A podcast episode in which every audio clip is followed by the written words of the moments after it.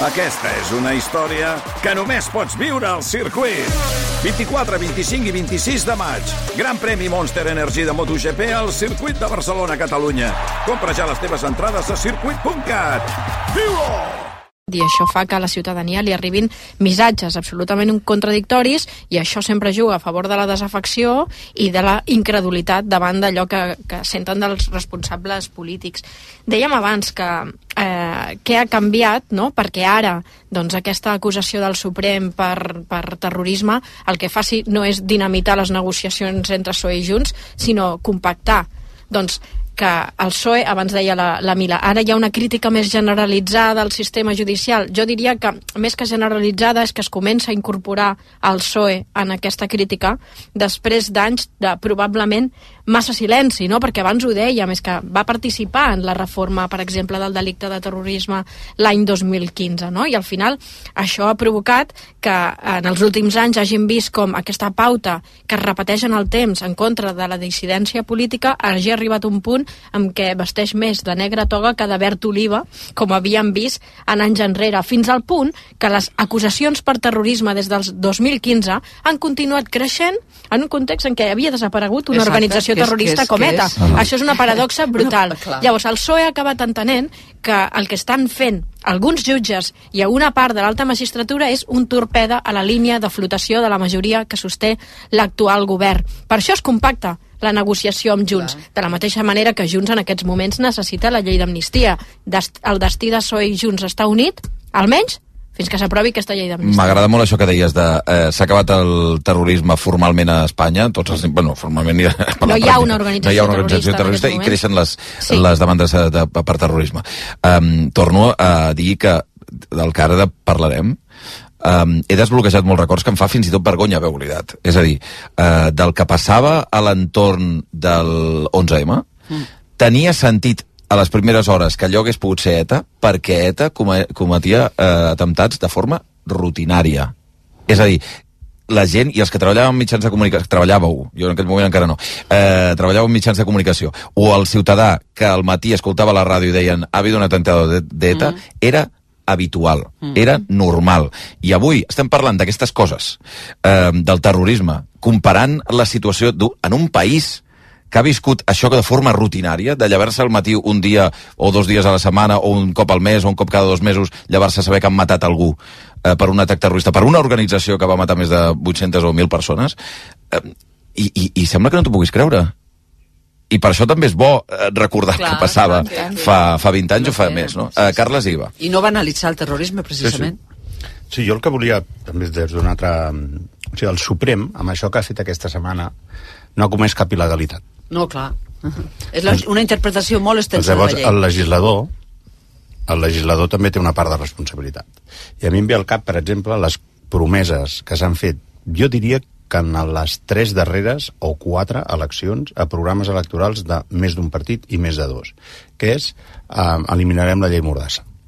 Mm. Mm. I aquesta llei Mordassa segueix vigent. I segueix vigent. Sí, però reformar el delicte de terrorisme no ho han portat, eh? No, D'acord, no, no, però... La llei Mordassa sí, i de fet la paradoxa és que s'ha aplicat més dic, dic, amb, amb sí, l'actual composició del govern que, que Dic l'exemple en el sentit de que compartint que és obvi que hi ha jutges i que la cúpula, almenys des de la meva opinió, la cúpula de la magistratura té una missió i que l'està executant complint això, l'està executant sense complir cap il·legalitat. Home, clar, només sí, sí. faltaria, no, perquè llavors podrien sí, ser acusats de prevaricació, no, sí, cuidado. Però, però mira, el que vull dir, el que vull, el que vull dir és que tenen, ja, ja. o sigui, el legislador sí. no es pot eximir de responsabilitats. No, no. No es pot eximir de responsabilitats. No, no, per suposat. Per Entè? I quan, quan estava legislant en el 15 i hi havia crítiques de compte amb el que estàs legislant i compte amb el que estàs legislant, el legislador es deixa endur molt sovint per pressions que no tenen res a veure amb el que serà l'execució d'allò que està legislant, clar, clar. sinó que són pressions d'altres no, tipus, i, molt més. i acaba deixant un ventall de possibilitats sí. que llavors a l'hora de l'execució poden portar a situacions, com a mínim, qüestionables, per no dir paraules més grosses, que són aquestes, que és que eh, bueno, puguis Carles... ser acusat de terrorisme sí. per una qüestió que, en la lògica de qualsevol, és de tot menys terrorisme. Ca Carles, però, però imagina't, és que ara fem, fem un, una projecció cap al futur. Vam tenir el debat aquest sobre el terrorisme en el seu moment. També vam tenir un debat sobre la llei de partits, recordeu? Oh, sí. sí. Bé, doncs, aquest nou és, eh, diríem, el que es, es configura amb l'acusació aquesta de terrorisme contra Carles Puigdemont i contra el Tsunami Democràtic pot acabar incidint en una aplicació de la llei de partits en el futur, mm -hmm. que ara t'ho imagina't que guanya el PP i que depèn de Vox per governar i que eh, tenim sobre la taula... Ja va ensenyar la puteta, eh?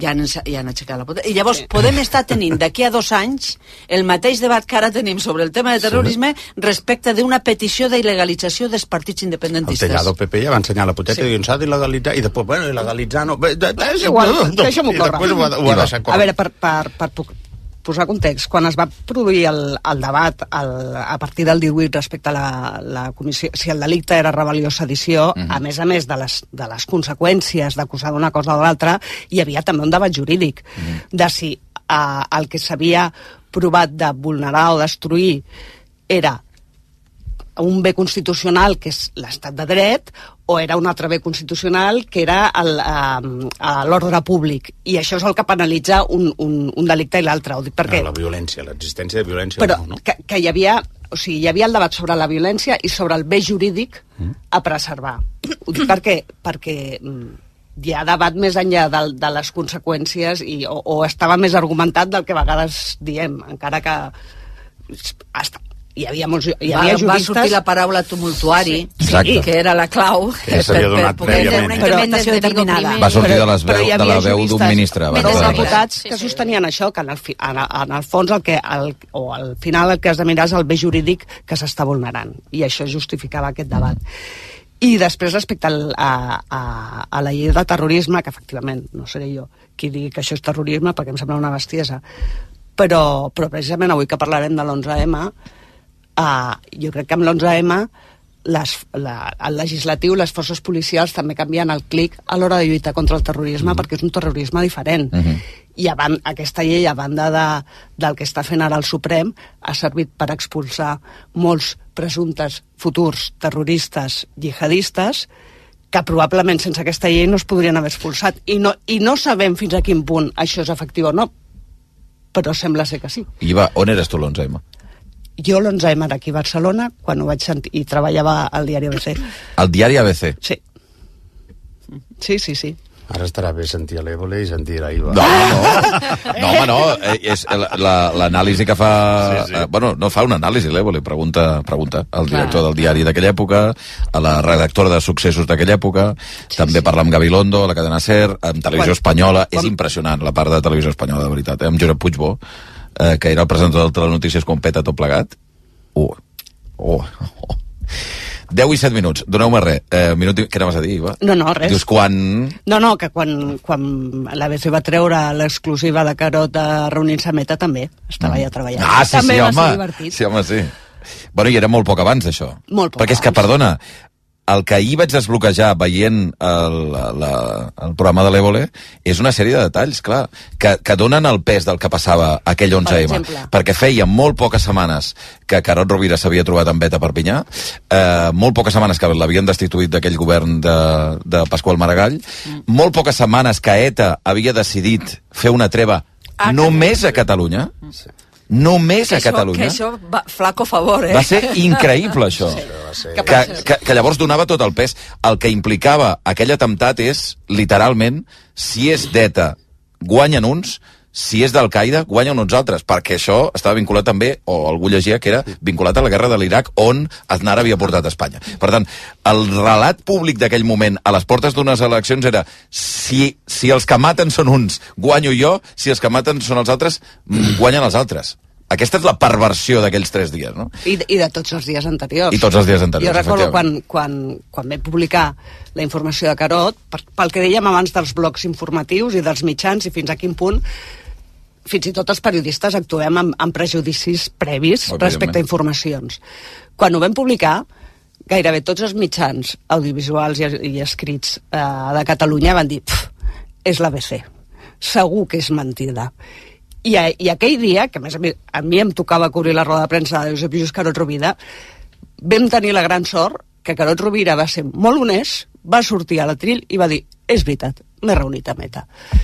I això ens va evitar un debat que hagués estat molt costós de fins a quin punt tenia credibilitat per venir d'on venia. 10 i 10 minuts, allò que dèiem. Eh, pausa un minut i mig i de seguida Jordi Évole.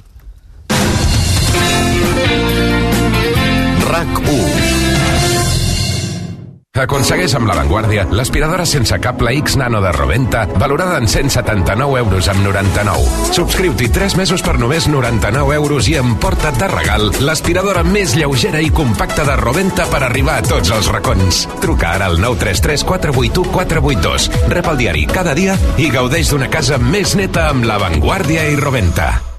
RAC 1 principal opositor a Vladimir Putin, Alexei Navalny, ha mort aquest matí a la presó. Anem cap a Moscou amb el corresponsal de rac Abel Gallardo. La mort de Navalny té lloc quan queda un mes. A Galícia està en marxa la jornada electoral més incerta dels últims 15 anys. Obrim ronda de contactes amb els enviats especials de rac a Galícia. Jordi Armenteres, bon dia. Sí, bon dia. La participació a les 12. Arnau Manyer, bon dia. Sí, bon dia. Aquí el repte del PP és aconseguir la... Xavi Hernández, el tècnic del Barça, a punt de parlar davant dels mitjans de comunicació, per tant... Som... Actualitzats els marcadors, anem cap a Màlaga, perquè aquesta tarda tenim... Cada dia de 2 a 3 del migdia, l'informatiu líder us explica tot el que passa. RAC 1 migdia, amb Núria Travessa i Xavi Rocamora. RAC 1. Tots som 1.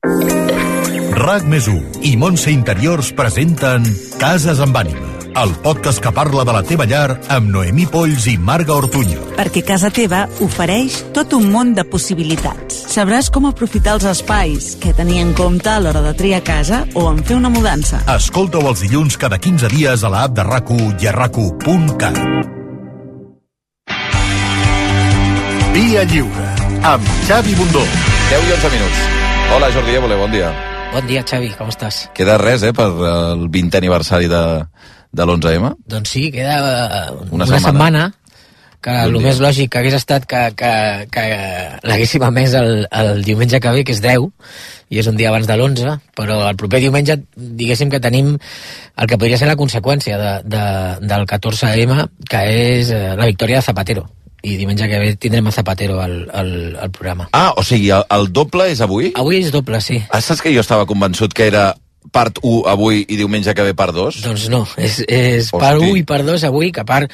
Hem pensat que a la competència només hi ha un Atlètic Club de Bilbao-Barça i, i, de res, després de l'empat del, del i Madrid dit, i, hem dit, i hem dit, què passa? Què? No, però és la mateixa hora, no? Sí, sí, sí. Als oients els explico que s'ha desfet els botons de la camisa. Això és tirar-se pedres sobre la seva taula, no? Però, la però la realitat és aquesta. O sigui, hem vingut a, hem a vingut a, a perdre. Bé, uh, on eres, Évole, tu, a l'11M? Jo era, era guionista de Buenafuente. Era guionista a una altra cosa, un programa que fèiem a TV3 i, i res, recordo d'aixecar-me al matí amb Gabilondo i, i anar veient aquella, aquell degoteig de morts que, que era increïble. Um, clar, ara ens ho plantejàvem i el record d'aquells dies és les primeres hores, és cert que i, i, eh, algú potser és molt llest i en sap molt i tal, eh, però el que primer pensa tothom és ETA. És que... Minut 1, diguem-ne, eh? Mm, no, no, en aquell moment ETA era qui colpejava el, el país i a més eren atemptats que, que normalment es produïen a aquella hora eh, al matí eh, però clar mm, la bestiesa de, de, de l'atemptat era tan, tan, tan gran que, que aviat van començar els dubtes. Molt aviat. Tu recordes tu pensar en quin moment comences a fer uh, uh, això no m'està quadrant? I segon, i el més important que és el que, de què va el documental uh, és no, no m'ho estan explicant bé això jo és la nit del dijous quan seguim... Si això passa el dijous al matí, no? El dijous al matí, a la, a, passa a, a tres quarts de, de vuit del matí, a les eh, 8 del vespre, quarts de nou del vespre, hi ha, hi ha a la BBC eh, el comunicat que fan uns que diuen ser Al Qaeda, però clar, que ho publica la BBC.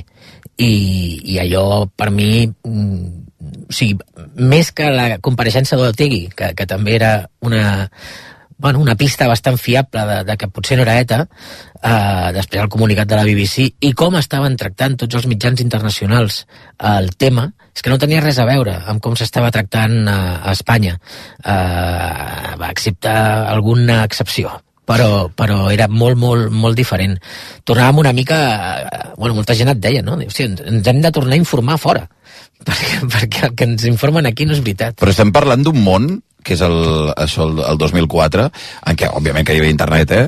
I de forma normalitzada, però el, els mòbils jo diria que no hi havia més que SMS, Nokias, no? Nokias, Nokias. sí. Eh, per tant, l'accés, xarxes socials, evidentment, no sabíem ni què era ni, ni quan apareixerien, eh, i per tant la capacitat d'un ciutadà mig per informar-se de la premsa internacional o de on venia la BBC o no venia la BBC, és, era molt limitada. molt més limitada que ara, igual que la informació que circulava pel, pel carrer. El que passa és que hi havia el que podríem dir la, proto, la protoxarxa, Sí, sí. que, que eren els SMS. O sigui, els SMS a, a, el negoci que va fer aquell cap de setmana telefònica el això, això, no, això no s'ha Sí, no s'ha sí. parlat prou de- d'aquesta història uh, crec que, que va ser un moment que els que ho vam viure amb una edat que, que ja eres molt conscient de les coses que passaven jo, jo tenia uh, 29 30 anys uh, no segurament un cap de setmana com aquell només és comparable al que va passar després el 17 aquí. Mm -hmm. O sigui, és un cap de setmana on la gent estava al carrer, on, on la gent treia la cassola per la finestra, on la gent s'anava a la seu del Partit Popular, eh, on, on quedaves amb els amics per veure si algú tenia més informació. Eh, jo recordo la nit electoral aquella a casa de, de, del meu amic Jordi Call mm, veient la, la, la, la, la nit electoral com, com, com qui veia una final de la Champions. Ho van posar, van fer un guió... Jo crec que el, el, el guió mm, per una sèrie és perfecte, perquè tens un deadline molt clar, que és el diumenge, que és el Sí, dia sí. que es vota. Uh, I en quatre dies passen un munt de coses. Crec que la comunicació del govern va ser tan pèssima que es van, es van equivocar fins i tot amb el tempo perquè van deixar esclatar-ho tot el, el, el dissabte al vespre. El dissabte al vespre és quan surt a Cebes i diu eh, hemos detenido a, a dos ciudadanos de origen indio y a tres de origen árabe. Eh, hòstia, eh, ho estàs dient abans de que la gent se'n vagi a dormir per despertar-se l'endemà per votar. O sigui, és el, el millor guió que podia tenir el PSOE li va fer el Partit Popular. Vull refrescar la memòria perquè saps què m'ha passat, Évole? I m'ha fet una mica de vergonya, que és no me'n recordava de la meitat de coses. Això passa. Això, a mi també m'ha és passat, terrible, eh? Terrible. A mi també m'ha passat. Terrible, perquè és un esdeveniment, com deies, que és incomparable amb altres, altres eh, coses, no? Eh, és un d'aquells moments que et recordes exactament on eres, què feies i tal, i veus que la memòria és molt traïdora. Eh, la- la- L'atemptat, bueno, recordem, evidentment governava Aznar, governava el Partit Popular, a l'oposició hi havia el Partit Socialista, és un dijous, per tant, a tres dies de les eleccions generals, amb un Zapatero a l'alça, però que, bueno, eh, no no se sabia ben bé què aconseguiria, però vaja, eh, hi havia competició, en tot cas. Um, al matí ha l'atemptat, tothom pensa que és ETA, surt Arnaldo Tegui eh, dient no ha estat ETA, però abans d'Arnaldo Tegui el primer que surt és Ibarretxe, i diu que és ETA. I Zapatero. I Zapatero diu que és ETA, exacte. Sí, sí. O sigui, hi han dues veus que no són sospitoses en aquell moment de ser dins de l'engranatge del Partit Popular dient és ETA. I les primeres declaracions del govern, que van ser de Cebes al lloc dels fets i de Mariano Rajoy, que no era, no era, no era membre del govern, estava fent de candidat del Partit Popular en aquelles eleccions, que les fa des de Gènova, les primeres declaracions del Partit Popular són molt prudents. Molt. No diuen res de no diuen ETA o ETA no. En cap i- moment eh, deixen que siguin els altres. Els estaven fent una feina fantàstica i Barretxe i, i, i Zapatero en aquell moment mm, els hi feien la feina. Clar, a la mínima que ells veuen que el, el, pot canviar el vent és quan surt a Cebes a la roda de premsa de, de dos quarts de dues, que és una roda de premsa que comença amb la paraula ETA. De fet, l'informatiu del migdia de Televisió Espanyola eh, i del vespre és arrenquen amb ETA, la primera paraula que es diu, la banda terrorista ETA, no? Però, però escolta... Un, un, un informatiu al vespre que era d'un senyor que es diu Alfredo Urdaci, Sí, sí. eh, liderant aquell informatiu, no? Um, clar, tu, tu el que has fet és una reproducció de què van fer els mitjans. Bueno, tres mitjans en. Tres. concret, sí. Ens hem centrat a, en tres mitjans, volíem que hi hagués un mitjà públic, en aquest cas Televisió Espanyola, un mitjà progressista, que mm, és la cadena SER, i un mitjà conservador, que és l'ABC. I, i el testimoni dels professionals que en aquell moment estaven al capdavant d'aquests mitjans i, i també de les seccions que cobrien habitualment aquest tipus de fets, per mi és el, el, el valor que té el que veurem aquesta nit és aquest. A mi particularment crec que, que, que el que hem fet hagués tingut molt menys sentit si no hagués estat l'ABC. Evidentment. O sigui, per mi la presència de l'ABC i, i fins i tot eh, arribar a, a, a, a veure una llum de, de, d'una dreta civilitzada, una dreta culta, una dreta que, que vol informar a, a, als seus lectors, malgrat totes les dificultats, perquè evidentment l'ABC hi ha moltes coses que no les publica aquells dies. Mm. Però com t'ho explica algú com José Antonio Zarzalijos, eh, a mi em reconcilia. I a, part, I a part trobo que, que, que et dona una gamma de grisos del que és aquest ofici que ens va molt bé eh, era el director en aquella època. En aquell moment era, era el director i, i, i li acaba costant el càrrec el, el no sumar-se a la teoria de la conspiració. Hi ha una, hi ha una ronda de trucades de José María Aznar als diaris, no? I va tu que eres allà.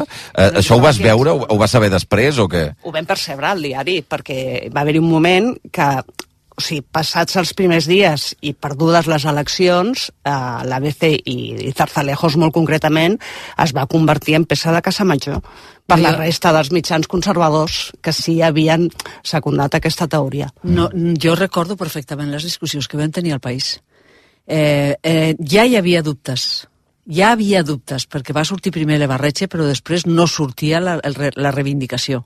I això era molt significatiu perquè ETA sempre reivindicava immediatament hi havia bastantes dubtes. I llavors es va produir la, la trucada del senyor Aznar, directament en aquest cas a Severio, que traurà un llibre ara que explicarà també com, com va anar. La llamada es diu. La llamada. I llavors, eh, les, els dubtes que hi havia, llavors Severio va reunir al, a la direcció i va dir, tinc aquesta trucada, és Aznar qui ho diu, i llavors tothom va convenir que qui té més presumpció de veracitat que el president d'un govern en un moment que acaba d'haver-hi una estesa de morts.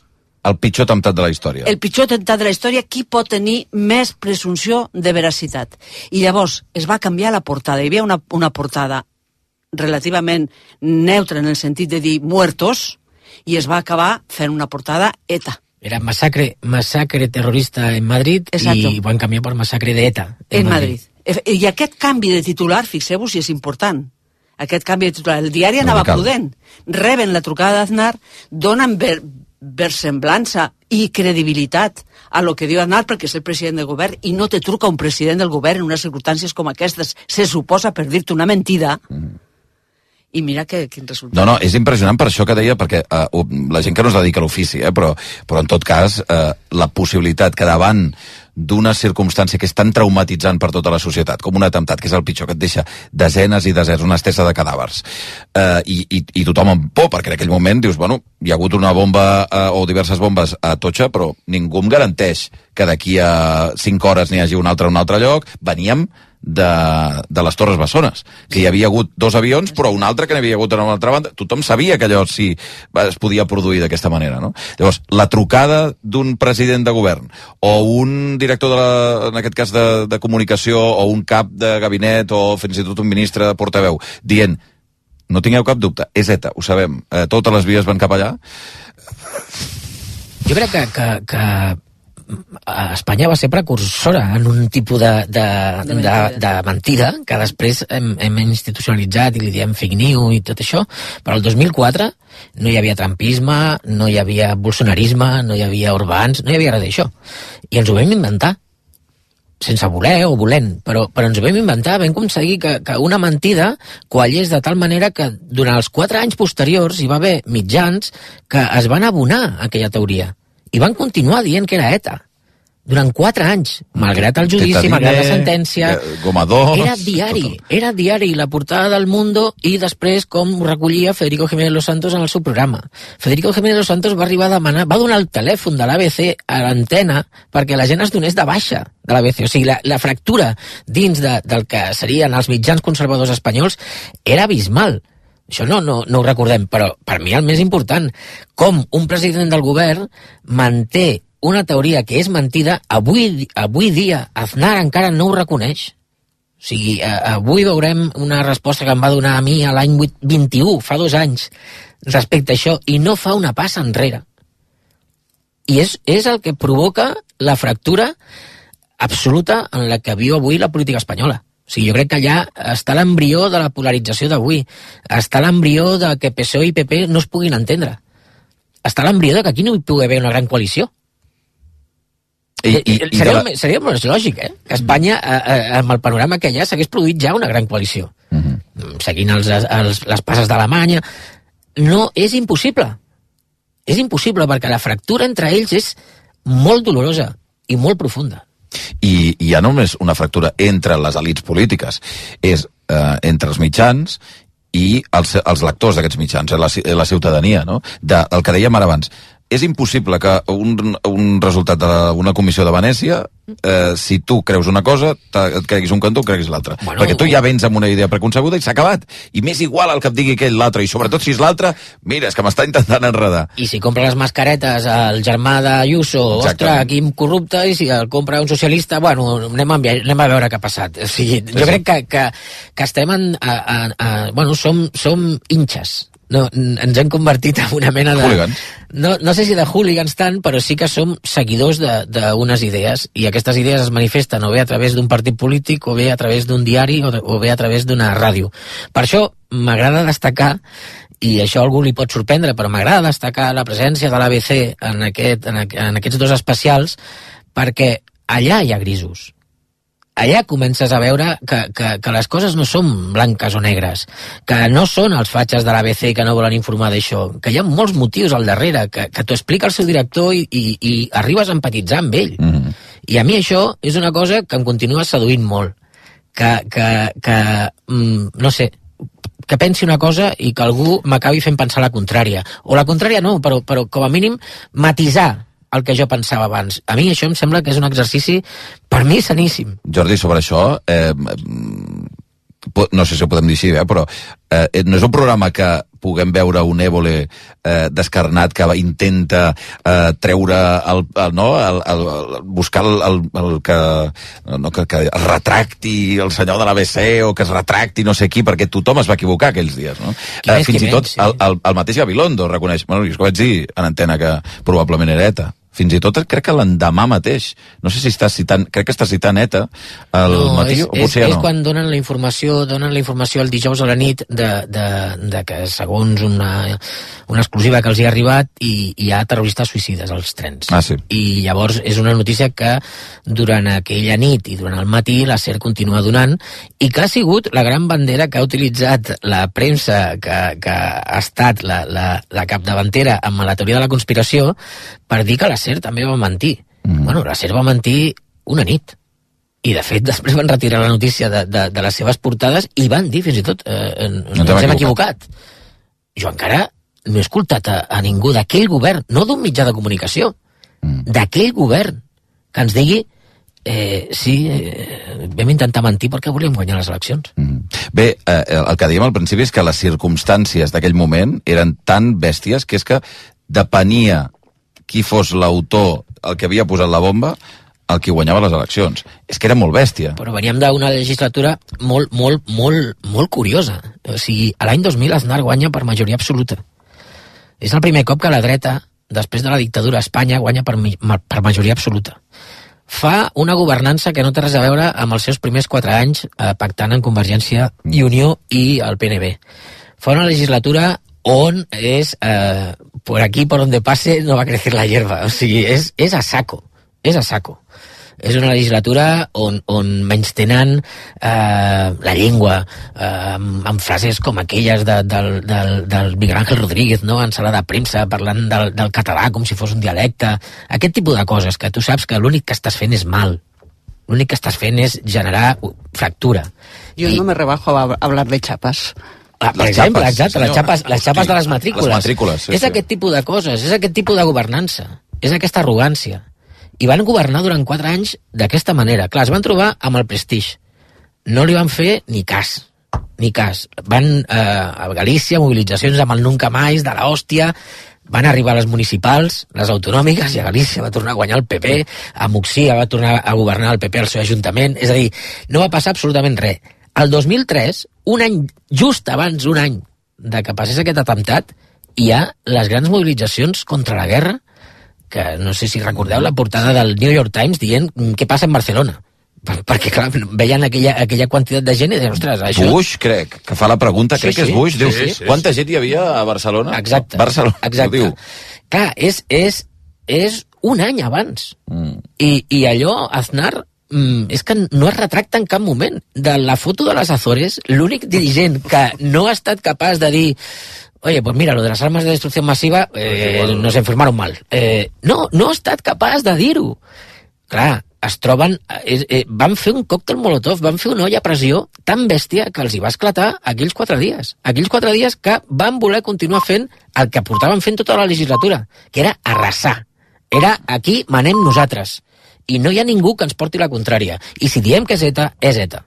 Sobre Bush, ara que l'has tret, hi ha una cosa hi ha una cosa brutal, que és que Televisió Espanyola aconsegueix, no aconsegueix, crec que és la Casa Blanca que truca a Televisió Espanyola dient vull una entrevista amb el president dels Estats Units. El primer cop a la història que un president dels Estats Units truca a una, a una cadena, ja sigui espanyola o d'on sigui, per dir, eh, si us plau... Eh, Si no us fa res. Agafeu unes dependències de la vostra ambaixada, que anirem a l'ambaixada a fer l'entrevista George Bush, el fill, i, i la, la seva dona, amb Lorenzo Milà. És una entrevista... Eh, Històrica. Bueno, Televisió Espanyola no la va emetre sencera. Van fer una peça al telediario, per què? El Fran Llorente ho explica molt bé. El documental diu, clar, la línia era clara. O sea, si salía Bush, y Bush tenía un protagonismo durante estas horas, era Bush, Aznar, Azores, guerra. Tal qual. I era el que volien desfer. O sigui, no, no podien, ni tan sols tenint la gran exclusiva d'una entrevista amb el president dels Estats Units, Que això no passa mai. no, pas, no ha tornat a passar mai, no ha per tornat sort. a passar, per sort. aconseguir una entrevista sí, ja, sí. És, però que es proposi ell.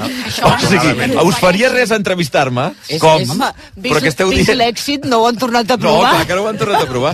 Si no la van ni a emetre. Però avui RTV Play també crec que, que l'han penjat, em sembla, i ara es pot veure sencera. Dimarts, que no es va veure. dimarts hi ha un documental a, a Televisió Espanyola sobre aquesta entrevista. O sigui, nosaltres, nosaltres expliquem la història, però, evidentment, Televisió Espanyola doncs, haurà aprofundit molt més en el tema, però nosaltres avui ja, ja expliquem aquesta, aquesta història que era, era coneguda. El que passa és que, diguéssim, que 20 anys després se li ha donat a, a bueno, l'espai que, que potser mereixia. En aquell moment era ambaixador d'Espanya eh, als Estats Units, a Washington, eh, eh, Rupérez, Javier Mm. Un senyor de, de la UCD, del centre dreta espanyol, d'això que parlàvem abans d'aquesta possible dreta civilitzada que hi podria haver en aquest país. Rupérez truca a Aznar i li diu el que li ha dit Bush. O sigui, que Aznar eh, continuï dient a, a dia d'avui que el dissabte no hi havia cap indici per pensar que fos Al Qaeda, que es va obrir una línia d'investigació, però que la principal pista era ETA i continuava sent ETA, és que és allò de, de, de quan t'han enganxat amb una infidelitat i, i no és lo que parece, no, sí que és lo que parece, o sigui, és justamente lo que parece. Hi ha una imatge impressionant de la, de la redactora, no me'n recordo el nom, la redactora de, sus, de successos de l'ABC, Cruz Morcillo. eh, Cruz Morcillo, que diu que li està cridant a la tele, a la compareixença de Cebes, dient «Però què m'estàs contando? El testimoni, mientes, no? el testimoni de la Cruz és tremendo, perquè la Cruz no havia parlat mai d'això, i, i va decidir parlar, pues això, diu, bueno, ja han passat 20 anys, la Cruz estava embarassada, a, aquell 11M. Era una tia amb uns contactes a la policia i al Ministeri de l'Interior acollonants. Quan truca al Ministeri, diu, bueno, pues me voy, para la, me voy a la estación. Y le diuen, ni se te ocurra, y menos estando como estás. Bueno, la tia no va, però se'n va al Gregorio Marañón. Allà comença a veure la barbaritat que, que, que ha suposat aquell atemptat, que no podem oblidar. Si no podem oblidar aquestes 192 morts i 1.835 ferits. O sigui, eh, hi ha una cosa que diu mm, Gabilondo, que a mi em sembla molt encertada també, que és que el 14M s'ha menjat l'11M. Totalment. I, I no podem oblidar el que va suposar allò. Hi ha una cosa que diu Zarzalejos que m'encanta, que és la radiografia que suposava eh, veure les nacionalitats dels morts perquè allà hi havia espanyols, però hi havia senegalesos, hi havia... Eh... Bueno, és que eren les 7 del matí d'un dia laborable a una estació cèntrica de Madrid. Hi havia era, gent anant a treballar. Era, la, era, era el que... Uh, Espanya que madruga. Espanya que madruga o l'Espanya de les cocines, que, que, que, que sembla que no vulguem entrar en aquestes cuines i veure qui està en aquestes cuines. Era aquesta gent la que anava al tren. Era aquesta gent. El cop va ser per moltíssimes famílies humils, molt humils, que el que feien és treballar aquí per enviar una mica de diner a casa seva, aquesta gent va ser la colpejada. I potser en això també hi ha un punt de, de, de que el 14M hagi tapat l'11M. Mm -hmm. Si el 14, si l'11 si a l'11M hi hagués, hi hagués hagut una altra... No sé... Composició de víctimes, eh? No sé si eh, hauria anat tot tan ràpid, però eh, va ser mm, instantani que a la tarda d'aquell 11M ja estàvem mm, parlant del 14. Del 14. Mm -hmm. Sí, de fet, eh, crec que és l'entrevista de Zapatero que diu que han querido influir en les eleccions, crec que és la primera declaració pública, sí, pot ser? Sí, sí, sí, sí. Que ja comença a dir-ho. A Televisió Espanyola I... ho diu, perquè ell estava fent aquell dia, ell era dijous abans de les eleccions. Li tocava. Estava, estava fent la ronda d'entrevistes de l'últim dia de campanya de, del cap de l'oposició i divendres era el dia de Rajoy. I, i és, clar, va estar, va estar a la SER, va estar a Televisió Espanyola, eh, bueno, hi ha, hi ha una documentació d'aquest dia mm, de Zapatero dient que és ETA riquíssima. Hi ha una part eh, importantíssima que és les converses que mantens amb els periodistes de televisió espanyola, no? que és com el centre del, del que va passar aquells dies, no? eh, perquè evidentment era una corretja de transmissió a Ordaz i Huera. Mm, tu has descartat o has intentat parlar amb els protagonistes polítics o eh, de, o fins i tot, en aquest cas, Urdaci, del que va passar aquell dia. Amb Urdaci sí. I a Urdaci ho heu intentat. Sí, sí, sí, i amb, i amb José Antonio Sánchez, que era el director de Televisió Espanyola en aquell moment, també. Ara José Antonio Sánchez, eh, casualitats de la vida, és el, el director de Telemadrid. Uh, Vaja. Uh, bueno, és que aquesta gent continua allà, eh? sigui, no, no és que hi hagi sigut una neteja que diguis, hòstia, allò va servir... Bueno, Gràcia ha estat uns quants anys fora de televisió espanyola, però ara ha aconseguit un altre cop recuperar la plaça. Certament. Cosa que em sembla fantàstic perquè mm, dona fe de lo bé que funciona el, el, el sistema d'oposicions en aquest país.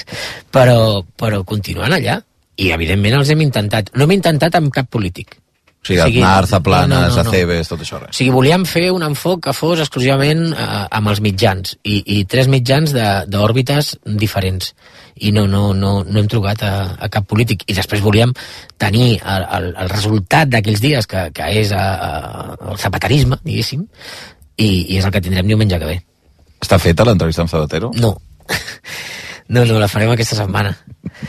Sort que no està feta, perquè clar, amb el marrón que tenen... Sí, perquè quedaria allà una mica... Eh, què anaves a dir, Sara, perdona? No, que, que ha de marxar, que... pobra, i oh. està aquí ja, mira, amb tota la roba posada, si sí, sembla que, un esquimal ara mateix. Ens, ens, toca, ens toca guàrdia. Ja. No, anava a dir, eh, jo no ho vaig viure des del punt de vista d'estar treballant en un, en un mitjà de comunicació, ho vaig viure estant a primer de, de carrera, justament, mm. de, de periodisme, i sí que recordo que, ostres, vam estar mesos i mesos analitzant com s'havia actuat mediàticament i va ser realment una escola d'aprenentatge per una banda i un xoc de realitat per l'altra, no? Al final estem parlant d'uns estudiants de periodisme que arrenquen amb tota la il·lusió del món i de trobar-se al davant doncs, l'anàlisi real d'uns dirigents polítics que actuen amb una absoluta irresponsabilitat i una tasca periodística absolutament difícil, no?, donades les, les circumstàncies, perquè també es, va, es van produir debats sobre les fotografies, les imatges, no?, que s'estaven publicant aquells dies, i ja des del punt de vista també com a ciutadana, clar, jo justament eh, feia 19 anys aquell 14 de, de març, era la primera vegada que podia votar en unes estatals, no?, Ostres. i, i d'alguna manera prens eh, consciència de la importància del vot.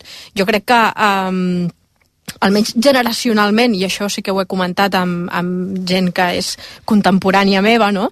de que van prendre la, la consciència de com més d'important la, la participació i com de lesiva pot ser la, la desafecció, perquè realment els ciutadans hi tenen molt a dir, i més en una situació tan convulsa on veus que hi ha dirigents polítics que menteixen tan descaradament, no? Com el teu vot pot fer canviar una, una situació, sobretot, clar, vam viure tot el tema de, de la cadena dels SMS, eh, la jornada de reflexió, les protestes amb les, amb les cassolades, o sigui, realment va ser una entrada en el món de la possibilitat del vot, no?, que va ser molt, molt significativa. Almenys jo no l'he oblidat mai i no he deixat de participar mai en unes eleccions, justament per com em va marcar aquell, aquell moment. Déu intentar no car-se Sara, eh? Gràcies a vosaltres. Perquè avui li toca treballar també, sí. que, a veure què passa. A, veure a, què passa. a mi m'ha interessat molt una part que has dit, que dius, això va ser molt abans del trampisme. Mm. Uh, aquí s'inaugurava una fase que ja venia perquè lo de les armes de destrucció massiva ja era també una alteració de la realitat amb un relat absolutament, diríem, distorsionat i orientat precisament a, que, a, a, a, a justificar no és menys que una invasió d'un país, eh? cuidado, que, que veníem de palabres mayores. Però jo trobo que aquí el, el tema de l'11M el que fa és que instaura una mena de tot s'hi val i dos, una altra cosa molt important.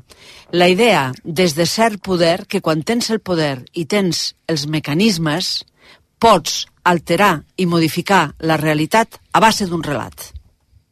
I això s'ha instaurat en la política d'alguna manera, i per això el relat ha passat a tenir tanta importància. I d'aquí ve la derivada segona i tercera, que és aquella de que entrem en la fase de polarització en què la gent ja pren partit, periodisme de trinxeres, ciutadania de trinxeres, i llavors distorsions cognitives que fan que no escoltis el que diu l'adversari, no vegis els grisos, etc etc. És a dir, tot neix aquí. I un dels principals hacedors de tot això, el que ho materialitza en molts casos, el Miguel Ángel Rodríguez, que curiosament el tornem a tenir actiu mm. en una part de la política espanyola en aquests moments, no? Hi ha un, hi ha un moment de la, de la, del programa que, que crec que és molt significatiu, que jo no recordava també, que és que la primera gran reunió interna del govern d'Espanya eh, sobre la crisi del que acabava de passar, insistim, el pitjor atemptat de la història amb desenes de morts, és sense els membres del CNI a la sala. Sí, sí. O sigui, és una reunió política. Es, es el moment en el que Gabilondo diu, mm, cuando vi la alineación de esa reunión, dije, esta gente no está pensando en el atentado, está pensando en las elecciones. Clar, la reunió estava eh, Zaplana, que era el portaveu, Aceves no hi era perquè estava al Ministeri de l'Interior, s'incorpora més tard, estava Uh, ostres, el candidat aquí que tenia el PP sempre a Andalusia i perdia.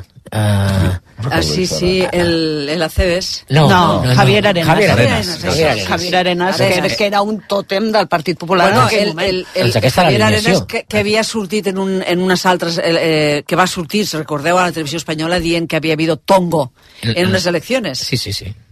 Aquest personatge. També es va acunyar després d'aquesta d'aquestes eleccions el terme del, del govern il·legítim mm. del, del govern que arriba al poder d'una manera, mm, bueno, que, que ha estat tramposa. En aquest cas eh, era eh, el, el que li deia Federico Jiménez dos Santos a, a Zapatero, que li deia a Zapatero ETA lo tiene cogido por los vagones. Frases d'aquestes són les que, les que van, van poblar les ondes i, i, i, i el, els diaris durant aquells quatre anys. És que és molt bèstia, quatre anys. I un diari, un, que l'endemà de l'atemptat posa en portada que és, és Al-Qaeda. Sí, La Voz de Galícia.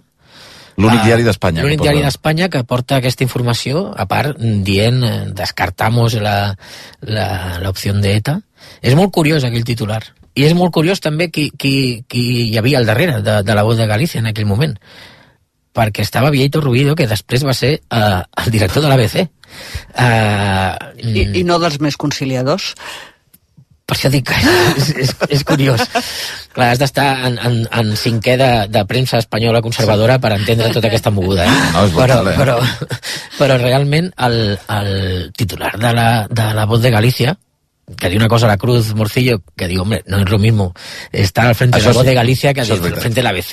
Sí, sí. Però bueno, té molt de mèrit que en aquell moment un diari, en aquest cas un diari eh, local o no sé, com, regional, no sé com li podem dir, uh, uh, digués uh, i posés aquest titular.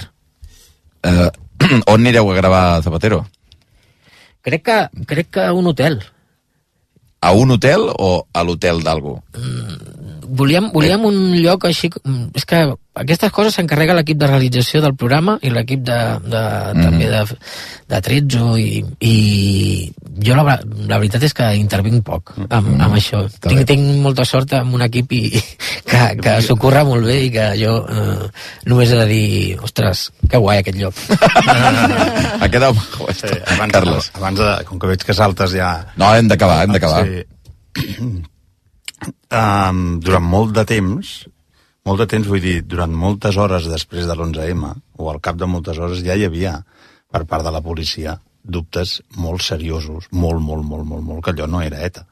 Per tant, la informació operativa que arribava al govern s'acostava a la realitat. A les 3 hores a, a, a Aznar sabia a, el mateix. que pensaven les, o sigui, les forces el, policials. El risc que assumia el govern... Mentint. Mentint perquè, perquè, clar, no és una cosa que qui ho sap. O sigui, tu tens un empleat, per cas, no? Tens un empleat que sap la veritat i li tapes la boca a un empleat i tu mantens la mentida, diguem, no? Perquè tens un empleat. Però hi havia centenars de policies que sabien, centenars, per no dir, no posar-hi més zeros, que allò no s'aguantava. per tant, la possibilitat de filtracions, la possibilitat de que eh, hi haguessin centenars de policies que no volguessin que la reputació de la policia i de la reputació de la Guàrdia Civil, la els Mossos mateixos sabien que allò ja no ho era, perquè la, la informació flueix i perquè mm, si s'havia de buscar gent, doncs s'havia de canalitzar. I s'havia passat informació a les policies perquè si trobeu aquest o trobeu aquell, perquè si aquest ha voltat... Perquè... O sigui que era a mi, a mi el que m'impressionava, perquè jo aleshores treballava on treballava, diguem, no? Però a mi el, que, en aquell moment estaves als Mossos? Als Mossos, clar. Ah, clar, clar, clar. A mi el que m'impressionava era el risc assumit de dir quin, quin valor tens de, amb una amb unes possibilitats de filtracions de la veritat tan altes, mm. però no filtracions d'opinions, perquè no era una filtració de l'opinió de no, no, és que no han sigut aquests perquè ho dic jo, no, no, és la filtració doncs, de dades que has passat a altres policies perquè s'investigui aquestes persones, perquè es tanquin no sé quines eh, eh carreteres perquè no... O sigui, no, no, no, no, tu no li has enviat a l'Arxaina eh, doncs, eh, jo què sé, informació perquè tal poble el tanqui, no que perquè vigilin tal família de tal... No, és que l'Arxaina no ha rebut res. Mm. Llavors, si l'Arxaina no ha rebut res, eh, perquè segurament ETA no és, diguem o sigui, I el valor que tenien, no? la fredor, de mantenir un discurs que estava fonamentat en res. I sobre això hi ha una frase meravellosa de Cebes que jo no m'havia donat compte, que era... Eh, he ordenado... Quan, quan comença a aparèixer... He ordenado eh, que se abra una via d'investigació que no és la d'ETA he ordenado, com si ell pogués ordenar eh, a la policia. A la policia, vostès no cal que busquin per aquí, busquin per allà. No? Quan és evident que la policia tenia les seves vies obertes, totes, perquè les ha de tenir Clar, no? per feina. Si vol fer la feina... Exacte. Això, a mi això... He ordenado que se abra otra via. Hi ha detalls, hi ha detalls que vistos a, en perspectiva, clar, és molt fàcil, eh? Ara és jutjar i... Però Aznar, a cap de les dues compareixences públiques que fa el 11 i el 12 de març en cap d'elles pronunciar la paraula ETA. Sí, esclar. No parla de... Evidentment es, està parlant d'ETA. No, sí, sí. no, no, Tothom sap de què parla, però ell no ho diu. No diu la paraula ETA. O sigui, no hi ha un tall on tu puguis trobar Aznar dient ETA. Està pensant en la maroteca, ja. doncs hi ha gent que és així, eh? Hi ha gent que és així. No, la maroteca no? i els jutjats. Si és, bueno, és, és els jutjats. Els jutjats, les companyies d'assegurances i tant, que pensen moltes mm. coses. I Però amb, amb això que deies de, de com és possible que s'atrevissin a, a mm. mentir tant, clar, no els hi havia sortit malament.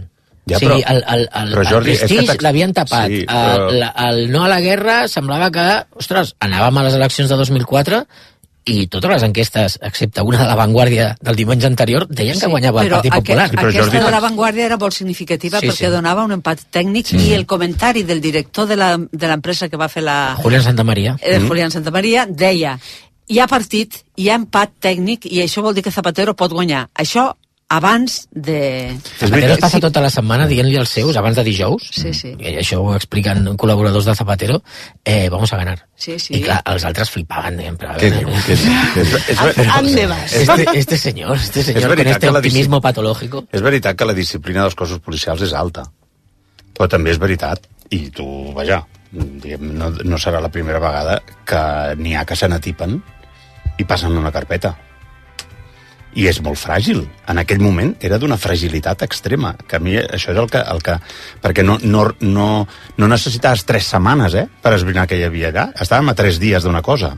I als tres dies... O sigui, et desmuntava el castell al minut 1 amb dada objectiva. I dirigents del PSOE que havien estat no feia tant de temps Home. a ministres de l'interior. I que tenien... Sobretot un dirigent del PSOE. Tenia, que, que, que, com es diu allò, el cel sigui, no? Um, que tenien... Pau reposi. Que, que tenien... O sigui, jo a mi em semblava d'una gosadia que jo crec que no és menys, eh, no es pot menys tenir que la gosadia amb què van afrontar allò també fa que allò els hi surti com els hi surt. Ah, jo, malgrat tot, crec que els hi podria haver sortit bé. Sí. O sigui, no, no, no, no oblidem Ah, que els podria haver sortit bé. Sí, sí. O sigui, el PP en aquelles eleccions, no sé si va aconseguir 10 milions de vots. Però o sigui, per- en aquelles eleccions eh, eh, el PSOE treu 11 milions de vots, però és que el PP treu 10 milions de vots. Però en bona El que va aconseguir és una mobilització de l'esquerra més forta. Això sí. 10 minuts arribarem a les 11, ho deixarem aquí. Eh, és un exercici de memòria, també, per als que, sí. que ja en teníem en aquell moment, però que no ens en recordàvem. Eh, fantàstic el programa de l'Evole eh, d'avui, que són en dues parts. Hi ha una pregunta molt malvada d'un oient que t'han traslladat. És amb el però futbol. molt malvada. que ha estat... Jordi, sí. tu aquesta nit, Hombre. que, quin canal tindràs a la tele? Jo tinc una doble pantalla. Sí, sí, no, t'ho juro, sí, t'ho juro. claro, Us ho claro. juro, No, us ho juro. però- Jo, a veure, primer, el, el meu fill vol veure el futbol. O sigui, el seu pare... Això és un clàssic, eh? Home, a, a mi veure, el meu fill treu la ràdio, vull dir Però que... escolta, però, Eh, eh, eh, però si no hi ha color, ell ja sap de què va el seu Ell ja l'ha programa. vist, Però- Ja, el però partit el titular, el titular és molt fort. Fins i Jordi tot Évole així. no mirarà el seu programa és ni el futbol. Ja l'ha vist, ja l'ha vist, el seu. poso en un iPad allà a, a primera, en primer pla el futbol i a la tele tinc el, tinc el De programa. fet, ell veu, Tens- veu el seu programa per si es talla o alguna cosa, saber-ho. Sí, home, estaria bé saber-ho. Però li treu la veu. No hi si ha el res. Barça malament, No hi ha res tan que no tothom programa. passarà al teu programa. No hi ha res com venir a fer promo, eh? Perquè et maltractin així. El meu pronòstic, a la mitja hora anirem Sí. 0-3 Ah, a Sant Mamés. sí. I llavors la gent ja canviarà de canal per veure lo nostre. 0-3. 0-3 a la mitja hora. Ah, va, home, va. Évole, per favor. Avui, avui a Sant Mamés es guanya Escolta, que, és que, segur. que tenen una oportunitat, a veure. Sí, no, clar, bueno, sempre l'oportunitat... El que va passar ahir no, feu passa parlar. sempre. No, Això sí que va ser... El que va passar ahir, tu estaves seguint-ho en aquell Hombre, moment? jo estava seguint. Però què et va semblar? Home, jo em vaig cagar quan vaig veure entrar la pilota. La pilota dir, no, un altre cop, no em vols Otra fer. vez. Però a més ja ho sabíem que passaria i tot això. Amb el 2 a 0 jo li vaig dir al meu fill, dic, no, tranquil, espera, que... Tinc, tinc un missatge de Santi Jiménez amb el 2 a 0 que diu esto acaba 2-3. I efectivament té raó, va acabar 2 a 3, però... Imagina't que ens ho fan a nosaltres, eh, això. Oh! Bueno, el- els germans Williams estan bastant insuportables, eh? Estan cansats.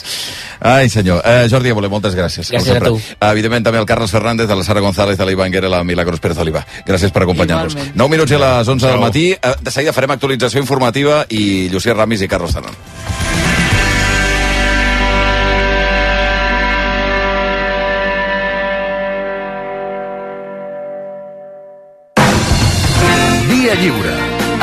Xavi Bundó. Que Conforama trobis tots els electrodomèstics que necessites amb un 10% extra de descompte i enviament gratuït és posar-t'ho molt fàcil. Del 2 al 4 de març a Conforama. Especialistasendeudes.com Informa. Tens molts deutes i et truquen a totes hores? Especialistasendeudes.com Elimina tots els teus deutes amb la llei de la segona oportunitat. Primera visita gratuïta. Especialistasendeudes.com Grup Àries Advocats. Què tens planejat per Setmana Santa? Et proposem una escapada al Penedès, desconnectar en un allotjament rural, visitar un celler, fer rutes a peu i en bici entre vinyes. Tot el que necessites per gaudir de l'aire lliure i l'enoturisme. T'hi esperem. Reserva d'activitats i allotjaments a penedesturisme.cat. Si estàs pensant en vendre el teu cotxe, no li donis més voltes. Vender mi cotxe. Fàcil i molt de pressa. No cal ni demanar cita. T'oferim a l'acte la millor valoració pel teu cotxe de forma gratuïta i sense compromís. I als 30 minuts ja tens els teus diners. Vender mi cotxe. Som a Barcelona, al carrer Rocafort 78, Cornellà de Llobregat i Sabadell.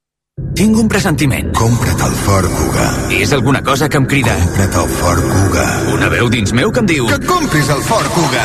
Fes cas al teu instint i aconsegueix el Ford Kuga. L'híbrid endollable més venut a Espanya i Europa, ara per temps limitat a un preu mai vist. També disponible el Kuga híbrid. El que digui el teu instint. Xarxa Ford de Catalunya. Hola, sóc l'Alfred Rodríguez Picó i us vull parlar de la humitat. La pluja fa que la humitat afecti greument la vostra casa. Infiltracions, capilaritat, condensació, salitre... Des de fa més de 50 anys, Murprotec soluciona definitivament els vostres problemes d'humitat. Demaneu el vostre diagnòstic complet i gratuït al 900 102 103. Murprotec 900 102 103. És en Picó qui us ho diu. Sí, sí, molts portals, moltes webs, molts concessionaris, però al final el tracte, les facilitats i allò que necessitava a l'hora de trobar un cotxe només ho he aconseguit a edificar.com. No t'ho creus? Prova-ho, prova-ho! edificar.com. I si fa falta, te'l portem personalment fins a casa. Via Lliure, amb Xavi Bundó. 6 minuts i arribarem a les 11 del matí. En tenim per aquí el Zanon. Hola, Zanon, bon dia. Bon dia. Hola, Llucia Ramis, bon dia. Bon dia. De seguida arrencarem amb ells, però abans pels que es llevin ara. Hola, Sandra Sotillo, bon dia. Bon dia. Nil Sant Martí, bon dia. Bon dia. De seguida ens actualitzarem sobre la resta d'informacions, però Martí Oliveres també bon dia. Bon dia. Com tenim el temps? Perquè deies que això se n'anava cap a partir de les 10. Doncs sí, ja, ja està marxant mar endins aquest front, està deixant de ploure al Maresme, Barcelona, fins fa uns minuts doncs encara s'escapava alguna gota, res, tot ja és història en aquest sentit, la pluja i la neu donen pas al vent. Precaució amb les ventades avui, serà un diumenge complicat amb aquest vent de mestral de tramuntana a l'Empordà, a les cotes altes del Pirineu, també entre el Camp de Tarragona i les Terres de l'Ebre es poden tornar a superar els 100 km per hora, però s'ha d'anar aclarint. De fet, ja al sud de les Terres de l'Ebre comença a lluir el sol cap al País Valencià, un sol esplèndid, per tant, canviarà com un mitjó el temps i gaudirem d'una tarda de diumenge amb sol i amb alguns núvols, res, residuals. En un dia que hi ha hagut pluges, hi ha hagut nevades, hi haurà vent. Uh, gràcies, Martí. Uh, connectem precisament amb el Servei Català de Trànsit perquè hi ha diverses carreteres afectades per aquesta situació del temps, sobretot a aquesta hora en vies d'alta muntanya. Roger Serra, bon dia. Què tal? Bon dia. Efectivament, estem parlant de vies d'alta muntanya, sobretot xarxa viària secundària. Mira, comencem repassant les vies que en aquests moments encara tenim tallades a la circulació. Per una banda, la C28, al port de la Bonaigua. Aquí, bàsicament, a causa del risc de llaus en aquesta zona del port de la Bonaigua. I tenim tres carreteres de la xarxa viària secundària de Tarragona que estan tallades, ara bàsicament perquè pugui passar la màquina llevaneus. Estem parlant de la T704 entre Maspujols i l'Aleixam i dues vies properes a Arbolí, la TV baixa 7012 aquí a Arbolí i la TV baixa 7092 entre Arbolí i la Mussara. Per tant, aquestes tres vies de la xarxa viària secundària tarragonina esperem que ben aviat es puguin obrir al trànsit. A algunes vies on són necessàries les cadenes, també un tram de la C28 entre la Paulla i València d'Ànou, l'accés al Pla de Baret, també per accedir al Coll del Portilló, a la Nacional 141, i una carretera de la xarxa viària tarragonina, comarcal 242, entre el Coll del Grau i el Barca. Per tant, sí que hi ha algunes vies afectades per aquesta neu, però, com et deia, vies d'alta muntanya. Gràcies, eh, Roger. I a aquesta hora també continuen els retards de més de 15 minuts a la línia R4 de Rodalies entre Terrassa i Manresa, després del descarrilament, que també us hem explicat aquest matí, a Vacarisses, per una esllavissada. Sí, l'accident ha passat cap a tres quarts de vuit del matí, quan un tren que venia de Manresa s'ha trobat diverses pedres a la via i ha descarrilat parcialment el primer vagó. No hi ha hagut ferits i els viatgers els han pogut rescatar en poc més d'una hora. Ho ha explicat al Via Lliure el portaveu de Renfe, Antonio Carmona una hora i escaig, en tot moment informats per part del nostre personal que s'ha preocupat de la situació de tots els viatgers que anaven en aquest tren. En principi, la, la interventora que anava, que anava al tren ens ha comentat, ens ha comunicat això, que entre els viatgers no hi ha ferits, tenint en compte que ha estat la sortida del primer vagó, els bombers han permès recuperar la circulació després de reforçar el talús que ha cedit en part poc abans de les 10 del matí. En el dia que avui ha passat fa molt pocs minuts pel Via Lliure, Jordi Évole, que ha avançat alguns detalls del doble programa que emet avui sobre els 20 anys de l'11M. Sí, lo de Évole recordarà aquesta nit els 20 anys de l'atemptat més mortífer de la història de l'estat espanyol amb un programa especial amb periodistes com Iñaki Gabilondo, Mament Mendizábal o José Antonio Zarzalejos. Segons Évole, el programa mostra com Espanya es va convertir en precursora de les fake news i com aquella mentida va provocar una una fractura dins dels mitjans de comunicació conservadors. Per això destaca sobretot la participació del diari ABC. Arribar a veure una llum d'una dreta civilitzada, una dreta culta, que vol informar malgrat totes les dificultats, perquè evidentment l'ABC hi ha moltes coses que no les publica aquells dies. Però com t'ho explica algú com José Antonio Zarzalejos, et dona una gamma de grisos... Era el director en aquella època. I li acaba costant el càrrec, el, el no sumar-se a la teoria de la conspiració. Doble programa sobre l'11M aquesta nit i Évole ha anunciat que la setmana vinent, coincidint amb l'aniversari, lo de Évole entrevistarà a José Luis Rodríguez Zapatero, que va esdevenir president del govern espanyol després dels atemptats. Doncs fins aquí. Gràcies, Sandra Sotillo. Gràcies, Nil Sant Martí. Fins ara. Fins ara. Dos minuts i arribarem a les 11 en punt del matí. Això ja s'acaba. Això ja està, sembla que això ja